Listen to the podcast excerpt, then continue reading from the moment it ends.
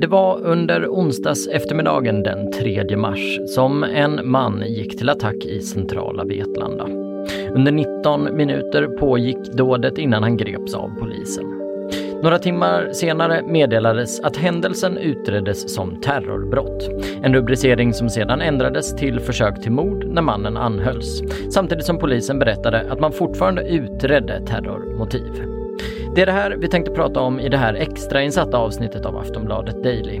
Hur definieras egentligen terrorbrott? Hur ska man egentligen tolka att polisen svängt fram och tillbaka gällande fallet i Vetlanda? Och spelar det egentligen juridiskt någon roll om ett brott klassas som terrorrelaterat eller ej? Det och mer pratar vi om i dagens avsnitt. Och för att få hjälp med det här så har vi ringt upp Hans Brun, terrorforskare och analytiker. Men innan vi släpper in honom i avsnittet så tänkte vi bara snabbt gå igenom vad som egentligen har hänt. När vi spelar in det här avsnittet så är det fredags förmiddagen den 5 mars. Det är alltså fortfarande mycket som vi inte vet och sannolikt så kommer mer att bli känt inom kort. Men det här är vad vi lärt oss om attacken så här långt. 14.54 på onsdags eftermiddagen får polisen det första larmsamtalet. De som ringer berättar att någon attackerat flera personer med tillhygge i centrala Vetlanda. 16 minuter efter det första samtalet är polisen på plats. Tre minuter senare skjuts den misstänkte gärningsmannen i benet i närheten av Mogärdesskolan. Han har då attackerat sju personer, samtliga män. Under timmarna efter attacken så klarnar bilden. Mannen som gripits är 22 år. Han kom till Sverige från Afghanistan 2016 och han väntade nu på besked om uppehållstillstånd. Hans tidigare hade gått ut i november 2020. Han är också tidigare dömd för ringa narkotikabrott. Skadeläget är initialt allvarligt för flera av gärningsmannens offer. Under torsdagskvällen rapporteras att tre personer har livshotande skador och att två har allvarliga skador. Dagen efter meddelar regionen att läget för samtliga just då är stabilt och att ingen har livshotande skador, men att det kan förändras. Enligt polisen tyder inget på att gärningsmannen hade någon relation till något av offren. Det här är i korta drag vad vi vet just nu. Och vi kan ju redan här brasklappa med att saker förmodligen kommer att förändras och att en del av det som gäller idag kanske inte gäller imorgon.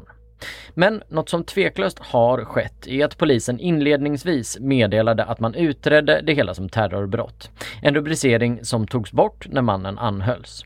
Då gällde istället sju fall av försök till mord. Men på en pressträff förklarade polisen att man fortfarande utredde eventuella terrormotiv. Och på fredagsförmiddagen häktades mannen på sannolika skäl misstänkt för sju fall av försök till mord.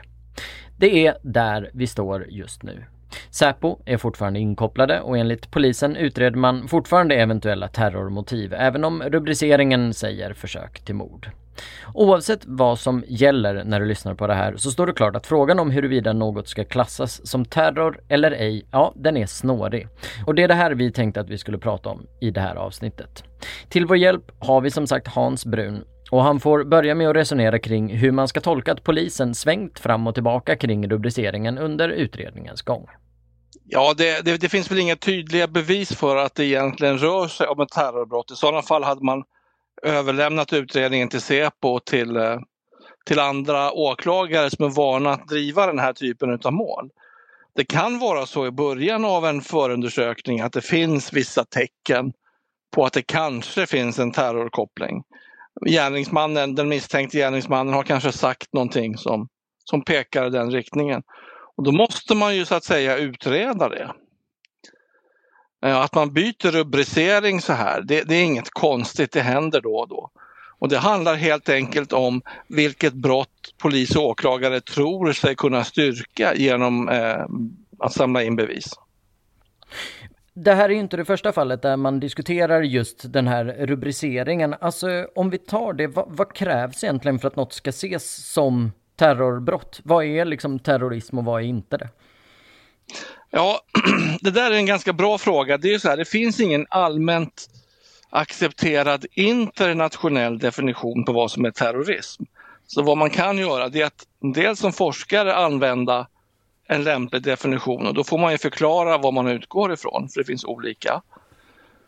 Eller så gör man som man har gjort då rent juridiskt att man via EU har tagit fram en för EU gemensam definition.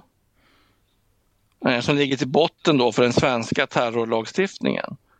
Och det är den lagstiftningen och den definitionen som polis och åklagare måste förhålla sig till. Och den lagstiftningen bygger egentligen på att för det första är det bara vissa typer av brott som kan utgöra terrorbrott. Så först måste man undersöka, utgör det här brottet potentiellt en handling som är straffbar som terrorbrott? Och då är mord och mordförsök exempel på den typen av brott. Så att okej, okay, det är den första objektiva prövningen utav själva handlingen. Sen måste man också undersöka vilket uppsåt gärningsmannen hade. Och där kan det vara så här, då finns det tre alternativa grunder i, i lagstiftningen. För det första eh, så kan det vara terrorbrott om gärningsmannen hade för avsikt att eh, sätta skräck i befolkningen eller en viss befolkningsgrupp genom sitt våld eller hot om våld. Det är en grund. För det andra kan det utgöra terrorbrott om gärningsmannen på något sätt ville påverka beslut av vissa offentliga organ. Och för det tredje så kan det vara terrorbrott om det utgör ett angrepp mot vissa typer av politiska institutioner som är viktiga för, för samhället. Det är de här grunderna man har att pröva. Och i det här fallet så är det rimligtvis frågan då huruvida gärningsmannen hade för avsikt att sätta skräck i en viss del av befolkningen eller, eh, eh, eller en viss folkgrupp eller befolkningen i Sverige. För då tror jag ändå att vissa skulle invända att så här, en person som vad det verkar har gått och attackerat folk på slumpmässigt på en gata. Alltså det låter ju som någonting som injagar skräck. Vad, Absolut. Liksom, på, och är det liksom därför man prövar då eller därför man utreder om så här, ja men är, är det här terror eller inte? Det, det, det, låter ju som att det skulle passa in i den där första kategorin i så fall. Absolut, och så var ju fallet med terrorattacken på Drottninggatan där Akilov körde ihjäl en handfull personer och skadade många andra. Och det var ju därför att man ansåg att hans våld riktades mot den svenska befolkningen och att det var en ren slump vilka som kom till skada. Och orsaken för det här, det var att han ville bestraffa Sverige och svenska befolkningen för vårt engagemang i Irak gentemot Islamiska staten. Men då tänker jag liksom, eh, eh, alltså det är ju väldigt Eh, nytt såklart det här med Vetlanda-attacken och vi vet ju inte om det kanske i ett senare läge ändå kommer klassas som terror. Men alltså utifrån det du ser, hur tolkar du då att man ändå har liksom plockat bort den rubriceringen nu i ett initialt skede?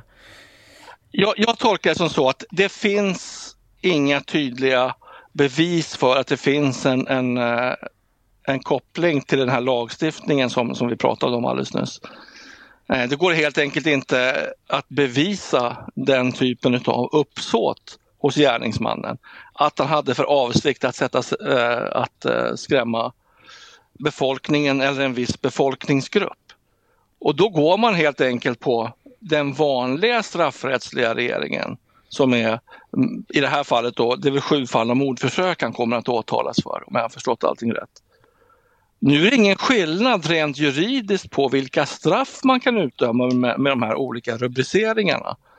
Utan det, det är så att säga en, en juridisk skillnad på, på, på rubriceringen men inte på vad man kan dömas till. Båda brotten är oerhört allvarliga.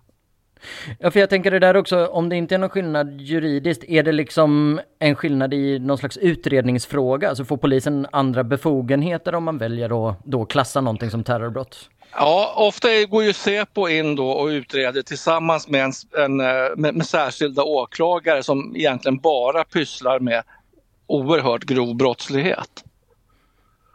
Eh, så att det kan vara lite andra utredningsresurser. Och orsaken till att vi har terrorlagstiftningen det bygger på folkrättsliga åtaganden som vi har gentemot Europeiska unionen. Sen kan man diskutera om den här lagstiftningen egentligen behövs eh, eftersom det kan vara svårt att bevisa det här uppsåtet hos gärningsmannen. Det finns redan lagstiftning som man kan använda sig av, som vi gör nu. Så att det, är egentligen, det är ingen skillnad rent juridiskt vad gäller möjligheten att åtala. Jag tänker, du har varit inne på det lite redan där, eh, men skiljer sig Sveriges sätt att definiera de här brotten från några andra länder eller ser det liksom likadant ut överallt? Om vi till exempel tar Europa då? Ja, nej, men inom EU så har man i princip samma utgångspunkt. Det var det som var finessen när man införde den här lagstiftningen då efter eh, 11 september. Sen kan den se lite olika ut i olika europeiska länder beroende på hur man uttrycker sig rent juridiskt och så. Men i grund och botten så ska det vara samma. Du, avslutningsvis bara, eh, om vi blickar lite framåt. Som sagt, det är fortfarande väldigt tidigt i utredningen här och det är naturligtvis svårt att svara på, men tror du att vi kommer få någon klarhet i vad som legat bakom den här attacken och egentligen då också frågan om det ska ses som, som en terrorattack eller inte? Jag, jag är, är, är försiktigt optimistisk vad gäller den biten. Nu grep ju polisen den här misstänkte gärningsmannen levande och man har ju så att säga väldigt goda möjligheter att förhöra honom och gå till botten med det hela vad gäller hans motiv och uppsåt och hans hälsotillstånd. Det finns en rad olika frågetecken där. Så att jag tror att vi kommer att få eh, svar på de frågorna så småningom. Jag är inte speciellt orolig över det, ärligt talat. Sist här hörde ni Hans Brun. Jag som pratar nu, jag heter Marcus Ulfsen och det här är Aftonbladet Daily, vår dagliga nyhetspodd.